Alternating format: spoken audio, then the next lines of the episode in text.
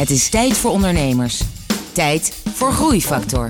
Het programma dat ondernemers beweegt, motiveert en inspireert. Hier is Kees de Jong, groeiondernemer en verbonden aan NL Groeit. Hoe de juiste mix tussen testosteron en oestrogeen je bedrijf harder kan laten groeien. Hoe een prullenbak van 300 euro symbool kan staan voor een aanstaande financiële crisis. En waarom binnen je bedrijf niet iedereen directeur moet gaan noemen.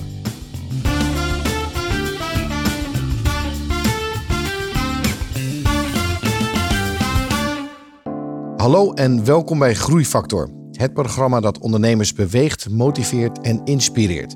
Met een openhartig gesprek met een inspirerende ondernemer. En vandaag is Huub Nelis bij mij te gast. Huub, welkom. Dankjewel. Uh, Huub, jij bent van Youngworks. Dat is jouw bedrijf. Dat heb je ooit 20 jaar geleden of zo opgericht? Bijna 20 jaar geleden opgericht. Bijna 20 jaar geleden.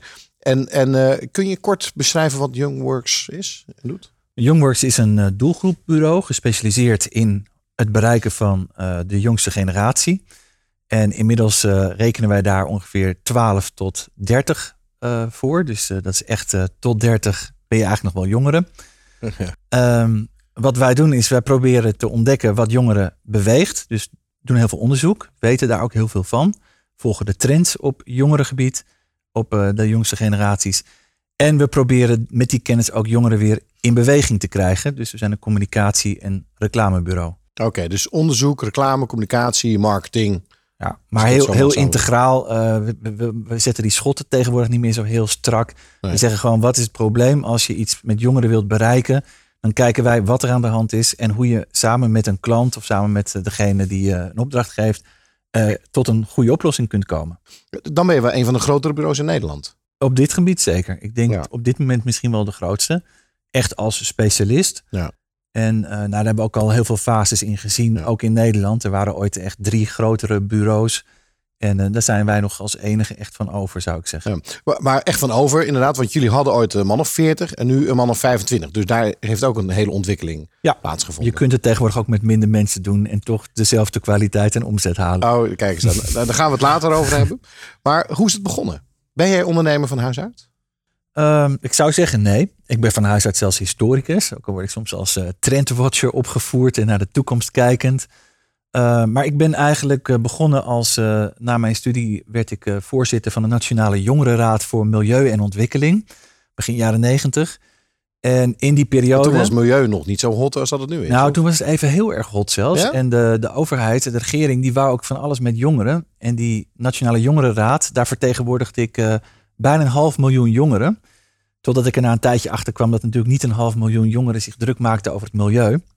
En toen zijn we eigenlijk projecten gaan bedenken om ze daar wel uh, bij te betrekken. Oké, okay, maar, maar, hoe ben jij daarvoor gevraagd of hoe heb je jezelf daarvoor naar, naar voren geschoven? Ik, ben, ik heb gewoon gesolliciteerd ooit. Ja. En ik was, heel, ik was een soort neutrale persoon die dit wel kon. Dus ik kon links, het was echt links en rechts. Er zaten ook de jonge socialisten tot de JOVD'ers, tot ja. scouting en de hele groene jongeren zaten allemaal bij elkaar. Dus ze hadden iemand nodig die niet te gekleurd was. Nou, dat was ik dan. Uh, polderaar misschien wel. Ja. En wij gingen daar projecten opzetten uh, om, om jongeren bij het een moeilijk onderwerp te betrekken, namelijk uh, milieu, duurzaamheid. En uh, ja, wij werden daar enorm in gesteund. Er waren enorme subsidies. Minister-president Lubbers, Pronk, Alders. Hey, maar, maar even, zo oud zie je er nog niet uit? Of, of ben je gewoon heel goed geconserveerd? Ik ben 49. Oké. Okay. Dus nou, dat, het is een tijdje geleden dit.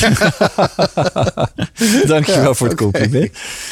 Maar uh, dat, dat was inderdaad een periode dat we gewoon heel veel dingen konden uitproberen. En uh, soms zeggen mensen wel eens van, hoe, ik zeg wel eens van, dit werkt niet bij jongeren. Of dat was vooral de beginperiode. En dan zeiden mensen van, ja, maar hoe weet je dan dat het niet werkt? Ik zeg, ja, dat heb ik allemaal al uitgeprobeerd en het is niet gelukt. Dit is ja. geen goede strategie. Dus, dus daarmee eigenlijk gelijk de voedingsbodem voor jouw bedrijf. Ja. Ik heb jou, jij moest zeg maar de grote mensenwereld, de politiek, moest je overbruggen met wat jij wist dat leefde onder de jongeren. En vervolgens kon jij die doorvertaling maken. Klopt. En ik heb het ook altijd heel erg vanuit de praktijk gedaan. Dus ik was toen zelf uh, begin, begin twintig. En wij zijn dus altijd gaan kijken van hoe kijken jongeren naar de wereld. En hoe kun je daar een vertaalslag maken met wat er nodig is. Nou, dat was dus in dat geval nog milieu, duurzame ontwikkeling. En van daaruit ben ik ook uh, met, met Youngworks begonnen. Omdat wij om te beginnen een heel groot scholenproject hadden bedacht. Dat werd ook weer een bedrijf, Codename Future. Dat was de eerste digitale leeromgeving in Nederland. En daar kwamen steeds meer vragen ook binnen van, ja, als jullie zoveel dingen doen voor scholen. Dat deden toen, was een scholenproject waar bijna 200.000 jongeren aan meededen. In die tijd, het was echt heel veel. Ja. En er kwamen er steeds, steeds meer... veel. Ja, dat is nog steeds veel.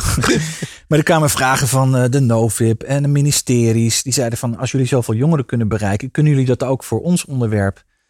En toen ben ik eigenlijk, uh, om te beginnen in mijn eentje, werd ik dan het, uh, het, het, bureautje waar je dan naartoe kon bellen. En dan was het Goedemorgen, codename Future Special Projects met Huub Nelis.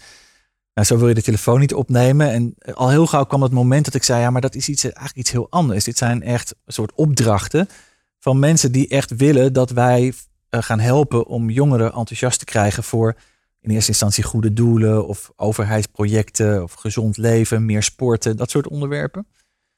En daar begon het eigenlijk. En, en daarna kwamen de banken, de financiële producten en de exact, ja. ja. in het begin hadden wij het heel erg over jongerenparticipatie. Dus hoe kan je jongeren betrekken bij? En uh, ja, uiteindelijk kun je aan datzelfde begrip jongerenparticipatie, kun je ook zeggen uh, jongerenonderzoek of kwalitatief kijken wat jongeren echt beweegt. Dus je hebt een ontwikkeling van waar gaat dit nou eigenlijk echt over? En het duurde ook een tijdje voordat, uh, voordat ik besefte van ja, dit valt nu wel onder een soort uh, ja, idee van een jongerenproject. Maar het is eigenlijk gewoon een bedrijf. Het is gewoon een bureau. Ja. En, want want qua bedrijven, had jij al Jij had niet eerder ervaring. En, en jouw ouders, waren die ondernemers? Ehm, mijn moeder had een, boek, had een boekwinkel. En mijn vader heeft zijn hele leven, uh, was hij eh, rayonleider en bedrijfsleider in supermarkten. Dus ik kom wel uit een uh, middenstandsgezin, zou je echt zeggen. Dat, dat, dat kende ik wel. En, en balansen en dat soort dingen, dat, daar werd thuis gewoon over gepraat. Dan kwam het gebak, gebak op tafel. Hè. De balans was goed van de supermarkt in Haarlem. Uh, dus dat, dat, dat kende je wel als kind. Dus je had daar wel enige affiniteit mee. Ja. En ik heb eigenlijk in de tijd, vlak nadat ik uh, dus in de Nationale Jongerenraad uh, had gewerkt, toen heb ik bijna twee jaar met twee rasondernemers in één kamer gezeten. Wim Laverman en Jan van Buren, dat waren de mensen de achter marketingtribune.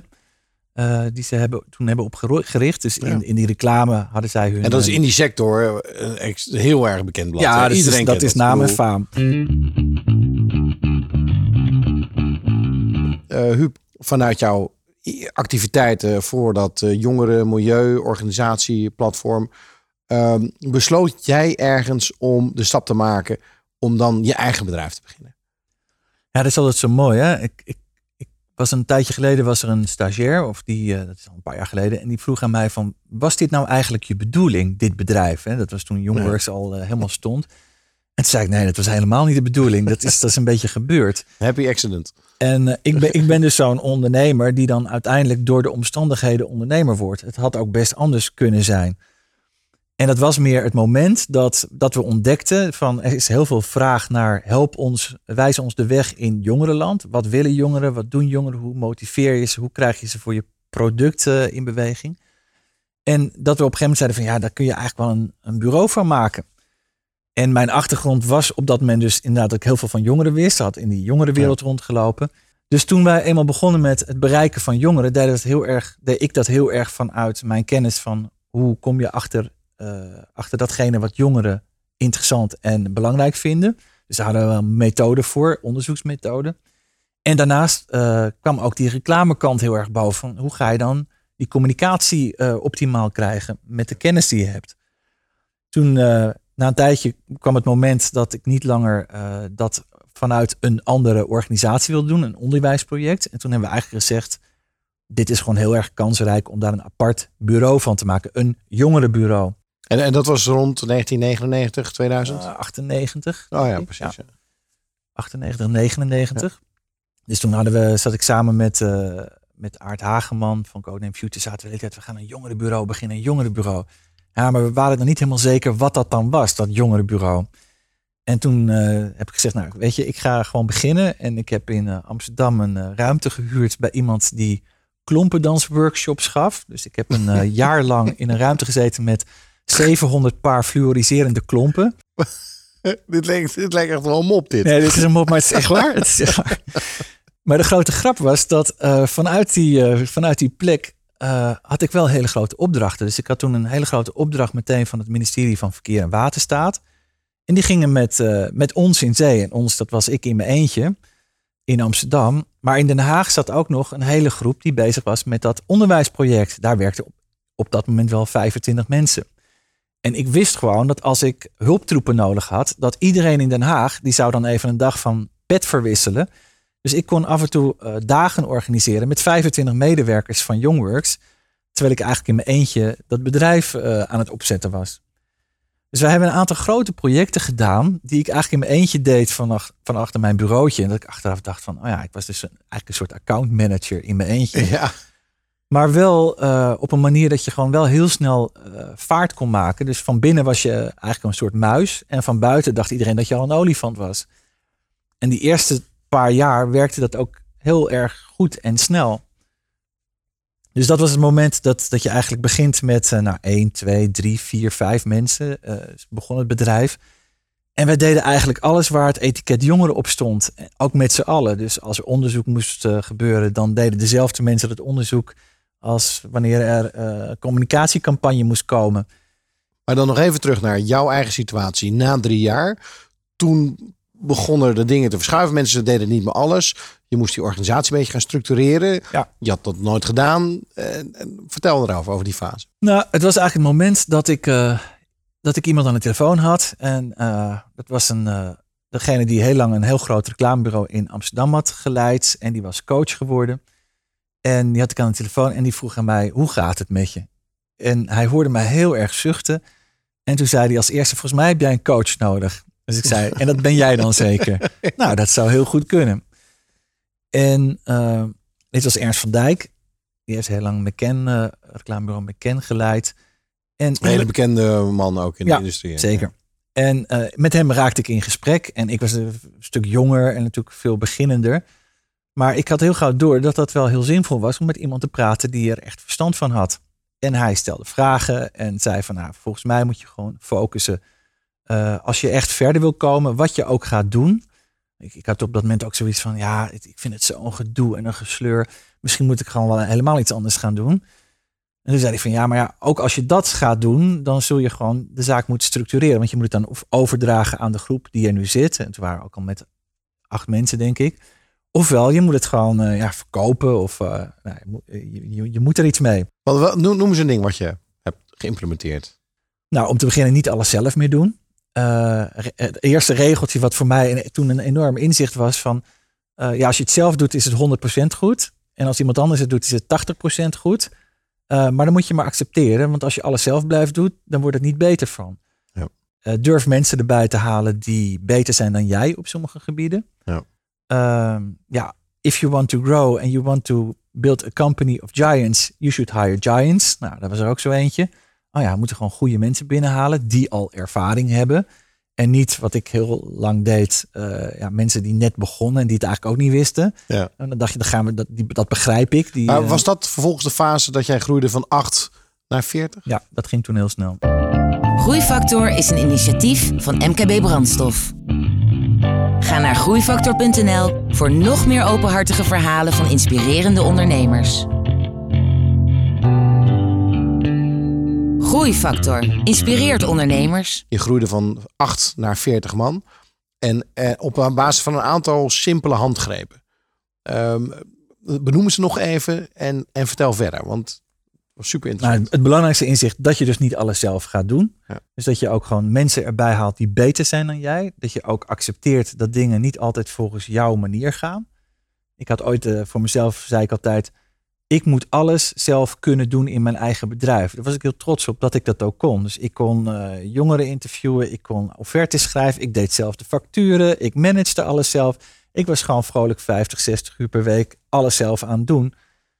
En toen ik dat niet meer ging doen, toen werd ook binnen een jaar werd mijn werk veel leuker. Dat ik dacht, oh ja, maar al die paperclips en zo, ja, dat hoef je natuurlijk niet allemaal zelf te doen. En uh, ik kan namelijk gewoon heel goed van afstand mensen wel helpen om dat, om dat op het niveau te doen dat ik het goed vind. En daardoor werd het ook voor die mensen leuker. Uh, gingen die ook sneller groeien. Kwamen er betere mensen aan boord. Uh, ik weet nog het moment uh, communicatie. Hè. Er zaten in eerste instantie wel twaalf vrouwen of zo. Nou, het was ook vreselijk kippenhok. Vond iedereen, dat vonden zij ook met zichzelf ook. En ik vond het zelf ook niet meer leuk. En toen, uh, toen, werd, uh, toen werd het, uh, hebben we bedacht van oké, dan gaan we nu sollicitatierondes doen. En dan mogen alleen nog maar mannen worden aangenomen. Dus toen besloot ook echt, we gaan nu mannen aannemen. En de vrouwen die gingen allemaal in de sollicitatiecommissie. En die gingen allemaal leuke mannen uitzoeken. En ook dat was wel een hele belangrijk moment. Dat je opeens ontdekte dat het evenwicht er beter in kwam. Er kwam ook een ander soort energie in het bureau. Er kwamen betere mensen binnen met meer ervaring. Ook vanuit uh, reclameachtergrond. Maar dan nog even terug naar, naar jouw groei en jouw eigen groei. Ehm, we zeiden al van 8 naar 40 man. Maar ergens gebeurt daar ook iets met jouzelf. Want 8 man manager, 15 man manager, dat lukt nog wel. Maar als je dan 25 en 30 man moet managen, dan is jouw hele rol, die, die wordt ook anders. Dus zou je nog iets meer kunnen vertellen over je eigen rolontwikkeling in dat hele proces? Ik weet nog heel goed het moment dat we, uh, we hadden elke maand een soort uh, maandafsluiting, een soort uh, bureau, weet het, de zeepkist.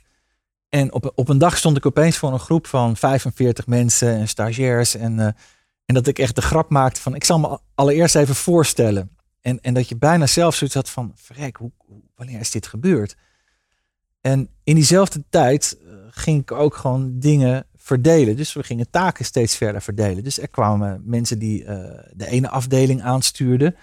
Uh, dat heette dan intern Unit A en Unit B. Echt heel verschrikkelijk. Dat, dat mocht ook nooit iemand tegen een klant vertellen dat we dat zo zeiden. Het een was gewoon het onderzoeksdeel en participatiedeel. En het ander was het reclamebureaudeel. En toen hadden we daar echt een soort schot tussen staan. En uiteindelijk zijn het zelfs drie delen geworden. Want we deden ook nog heel veel trainingen en lezingen. En op elk onderdeel, op elk team, hadden we dan weer iemand die daar de leiding van nam. En ik had zoiets van, je moet mensen heel veel ruimte geven. Ik ben ook heel goed in staat om mensen veel ruimte te geven. Dus uh, die begonnen allemaal hun eigen dynamiekjes te ontwikkelen. Dus ik had op een gegeven moment echt drie teams met een eigen uh, leider. En die wouden natuurlijk allemaal op hun kaartje ook een mooie titel hebben staan. Dus dat werden drie directeuren met ook weer een mooie titel erop. En ik had zoiets, nou, ik hecht daar niet aan, maar als jullie het belangrijk vinden, dan zetten we het er gewoon op het visitekaartje. En dan stond op mijn kaartje stond een algemeen directeur. En het geven van vrijheid is op zich goed, autonomie. Uh, maar als dat te ver doorgaat, dan kom je op een gegeven moment op een punt dat het ook wel eens heel lastig wordt.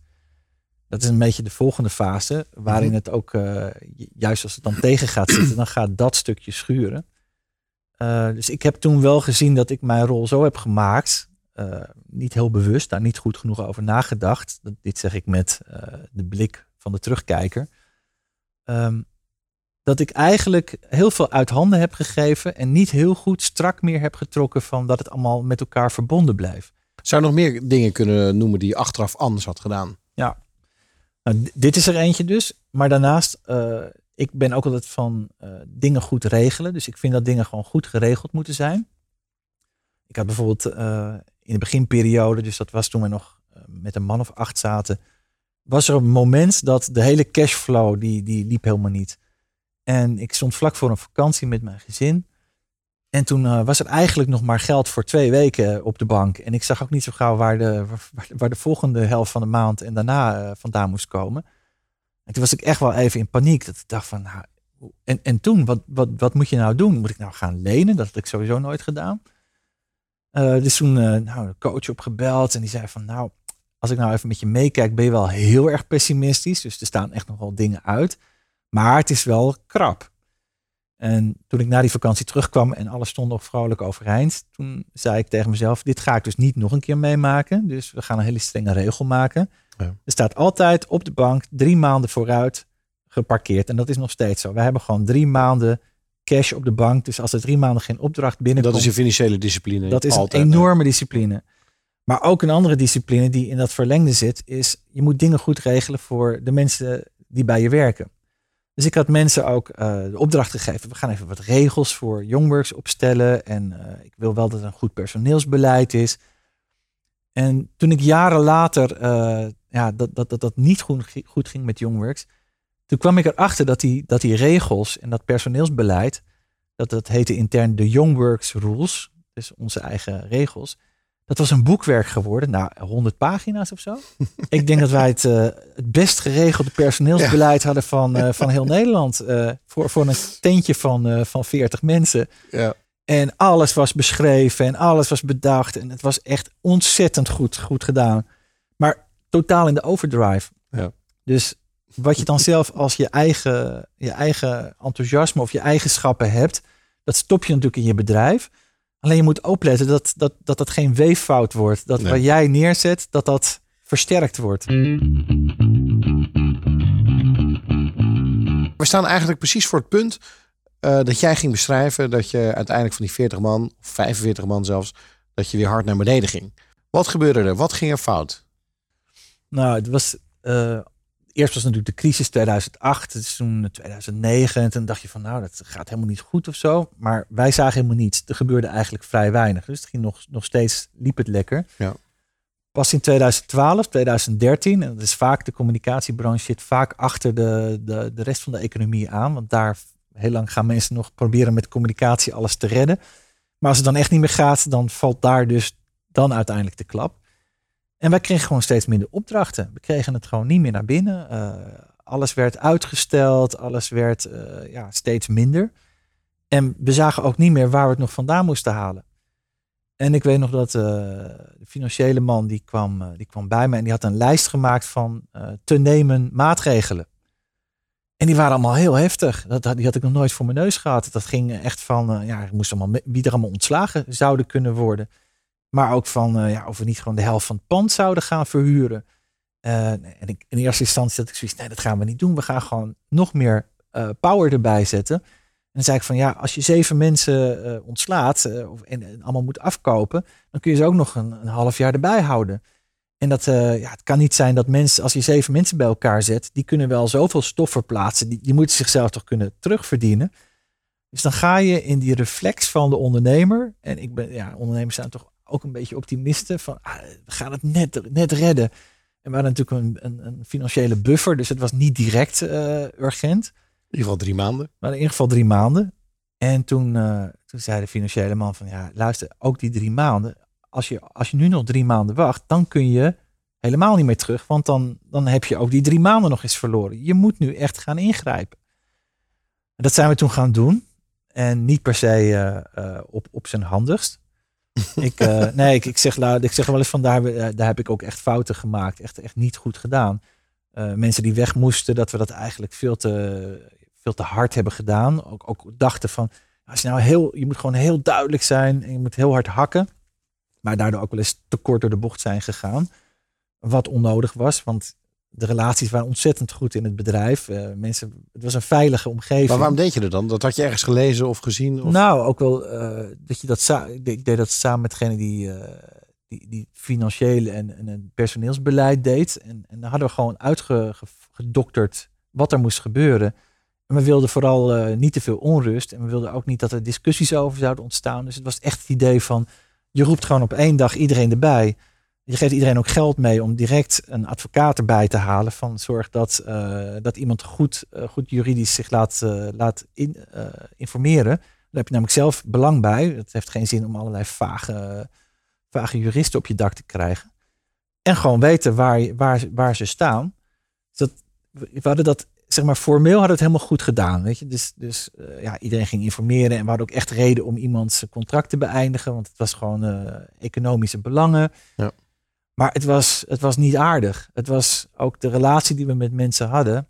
Uh, was niet zo dat we niet hadden kunnen zeggen van ja luister, het gaat heel moeilijk worden. De kans is groot dat we tussen nu en een maand, dat zagen we ook al iets langer aankomen, dat, dat we je contract moeten gaan beëindigen. We zitten daarover te denken, zodat je daar mensen in meeneemt en niet op een gegeven moment in een kamertje roept en zegt pats, boem. Ja.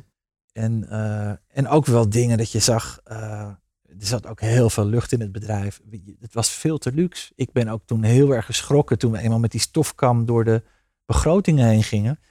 Waar allemaal geld aan werd uitgegeven. Je kon alleen al door abonnementen, vakbladen, uh, onzincongressen, uh, dingen die mensen gewoon onhandig deden, kon je al zoveel duizenden euro's besparen. Uh, je kon echt gewoon bijna in elke vergadering kun je zeggen van kan iemand nog iets bedenken waar we een paar honderd euro mee kunnen besparen? En dan kwam iedereen wel ergens mee. Ja. En dat ging tot het niveau van de, uh, de, degene die het office management deden, bij, bij, de, bij, bij de receptie zaten. Ja, als, als, er twee nieuwe prullenbakken moesten worden besteld, dan kostten die prullenbakken 300 euro per stuk. En dan zei ik van, maar zijn dat ook de prullenbakken die je koopt als je thuis een prullenbak gaat kopen? Waar, waarvoor moeten die hier 300 euro kosten? Het, het hele kostenbewustzijn was door de jaren daarvoor uh, was heel erg verdwenen. Dat je je ook realiseert van. Maar dat kwam ook door jou natuurlijk. Ja, ik, jij, ik had niet opgelet. Jij bent de leider. Ja, klopt. En, en, maar ik had ook zoiets van, ja, ga niet lullig doen. Dat, dat vind ik ook. Daar gaat het niet over.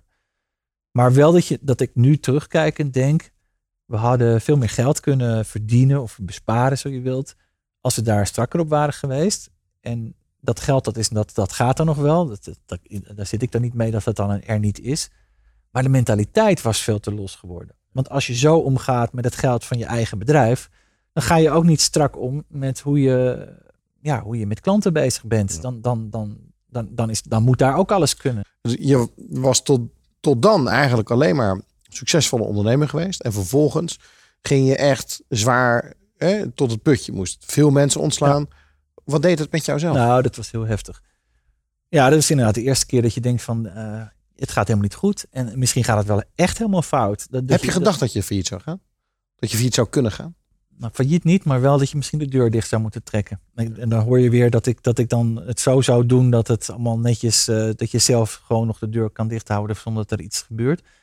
Dat, dat is zeker wel uh, een periode van een paar weken, denk ik, dat dat speelde. En ik heb toen zelf ook in die periode besloten, oké, ik ga terugstappen uh, als algemeen directeur. Dan gaat er we gaan het helemaal plat houden, het bureau. Er blijft één algemeen directeur uh, blijft er over.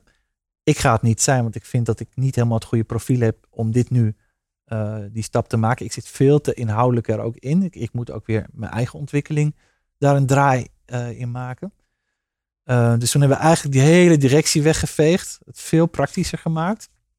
Dat ging niet zonder slag of stoot. Er was ook een bepaald moment dat we echt een directievergadering hadden. Dat ik, dat, dat ik als eerste ook er, eruit zou stappen uit de directievergadering. Ik zei, nou ja, dan is vanaf uh, nu is dat dan zo. En dan gaan we dat morgen aan iedereen vertellen. En toen zei ook een collega uh, uit die directie, zei, maar dat, dat kan toch helemaal niet? Je, gaat nu echt wel heel laconiek veel te ver. Dus het was een beetje aan het einde van die cirkel dat je al helemaal op de, op de bodem had gezeten. En dat je op een gegeven moment dacht, nou nu heb ik de oplossing. Uh, in, in, in, drie maanden tijd gaat die hele directie eruit en er blijft één directeur over. We wisten toch nog niet zeker wie dat zou zijn, ook nog. Maar ik had wel besloten dat, dat anderen zouden dat dan die laatste stap maken. Want dat was dan beter, dan was het gelijk heel duidelijk. En, uh, en ik was inderdaad heel laconiek geworden. Ik had zoiets, nou dat is het dan gewoon. En ik ga wel iets anders doen. Ik, maar uh, was jij het ook zat?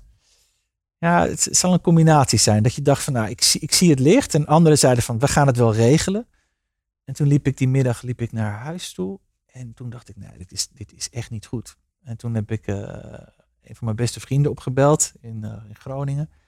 Ik zeg, ik moet, ik moet, vanavond even met jou, uh, met jou kletsen. Van, ik, ik, kom naar je toe en we gaan even eten. En toegereden en ook even je hoofd weer wat leegmaken.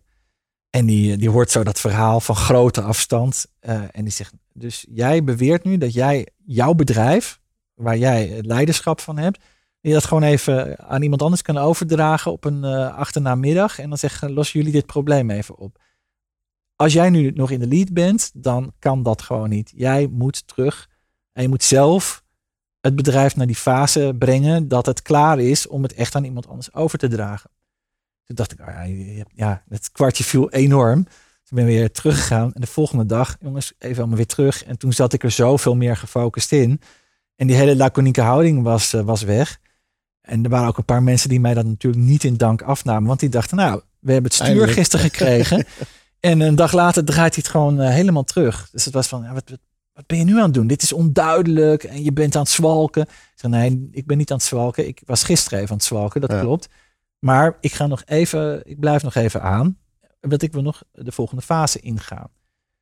En toen heb ik nog twee maanden een aantal dingen gewoon geregeld. Uh, dingen met contracten afgemaakt. Ook, ook bepaalde ontslagprocedures. Gewoon gedoe weggehaald. Ja.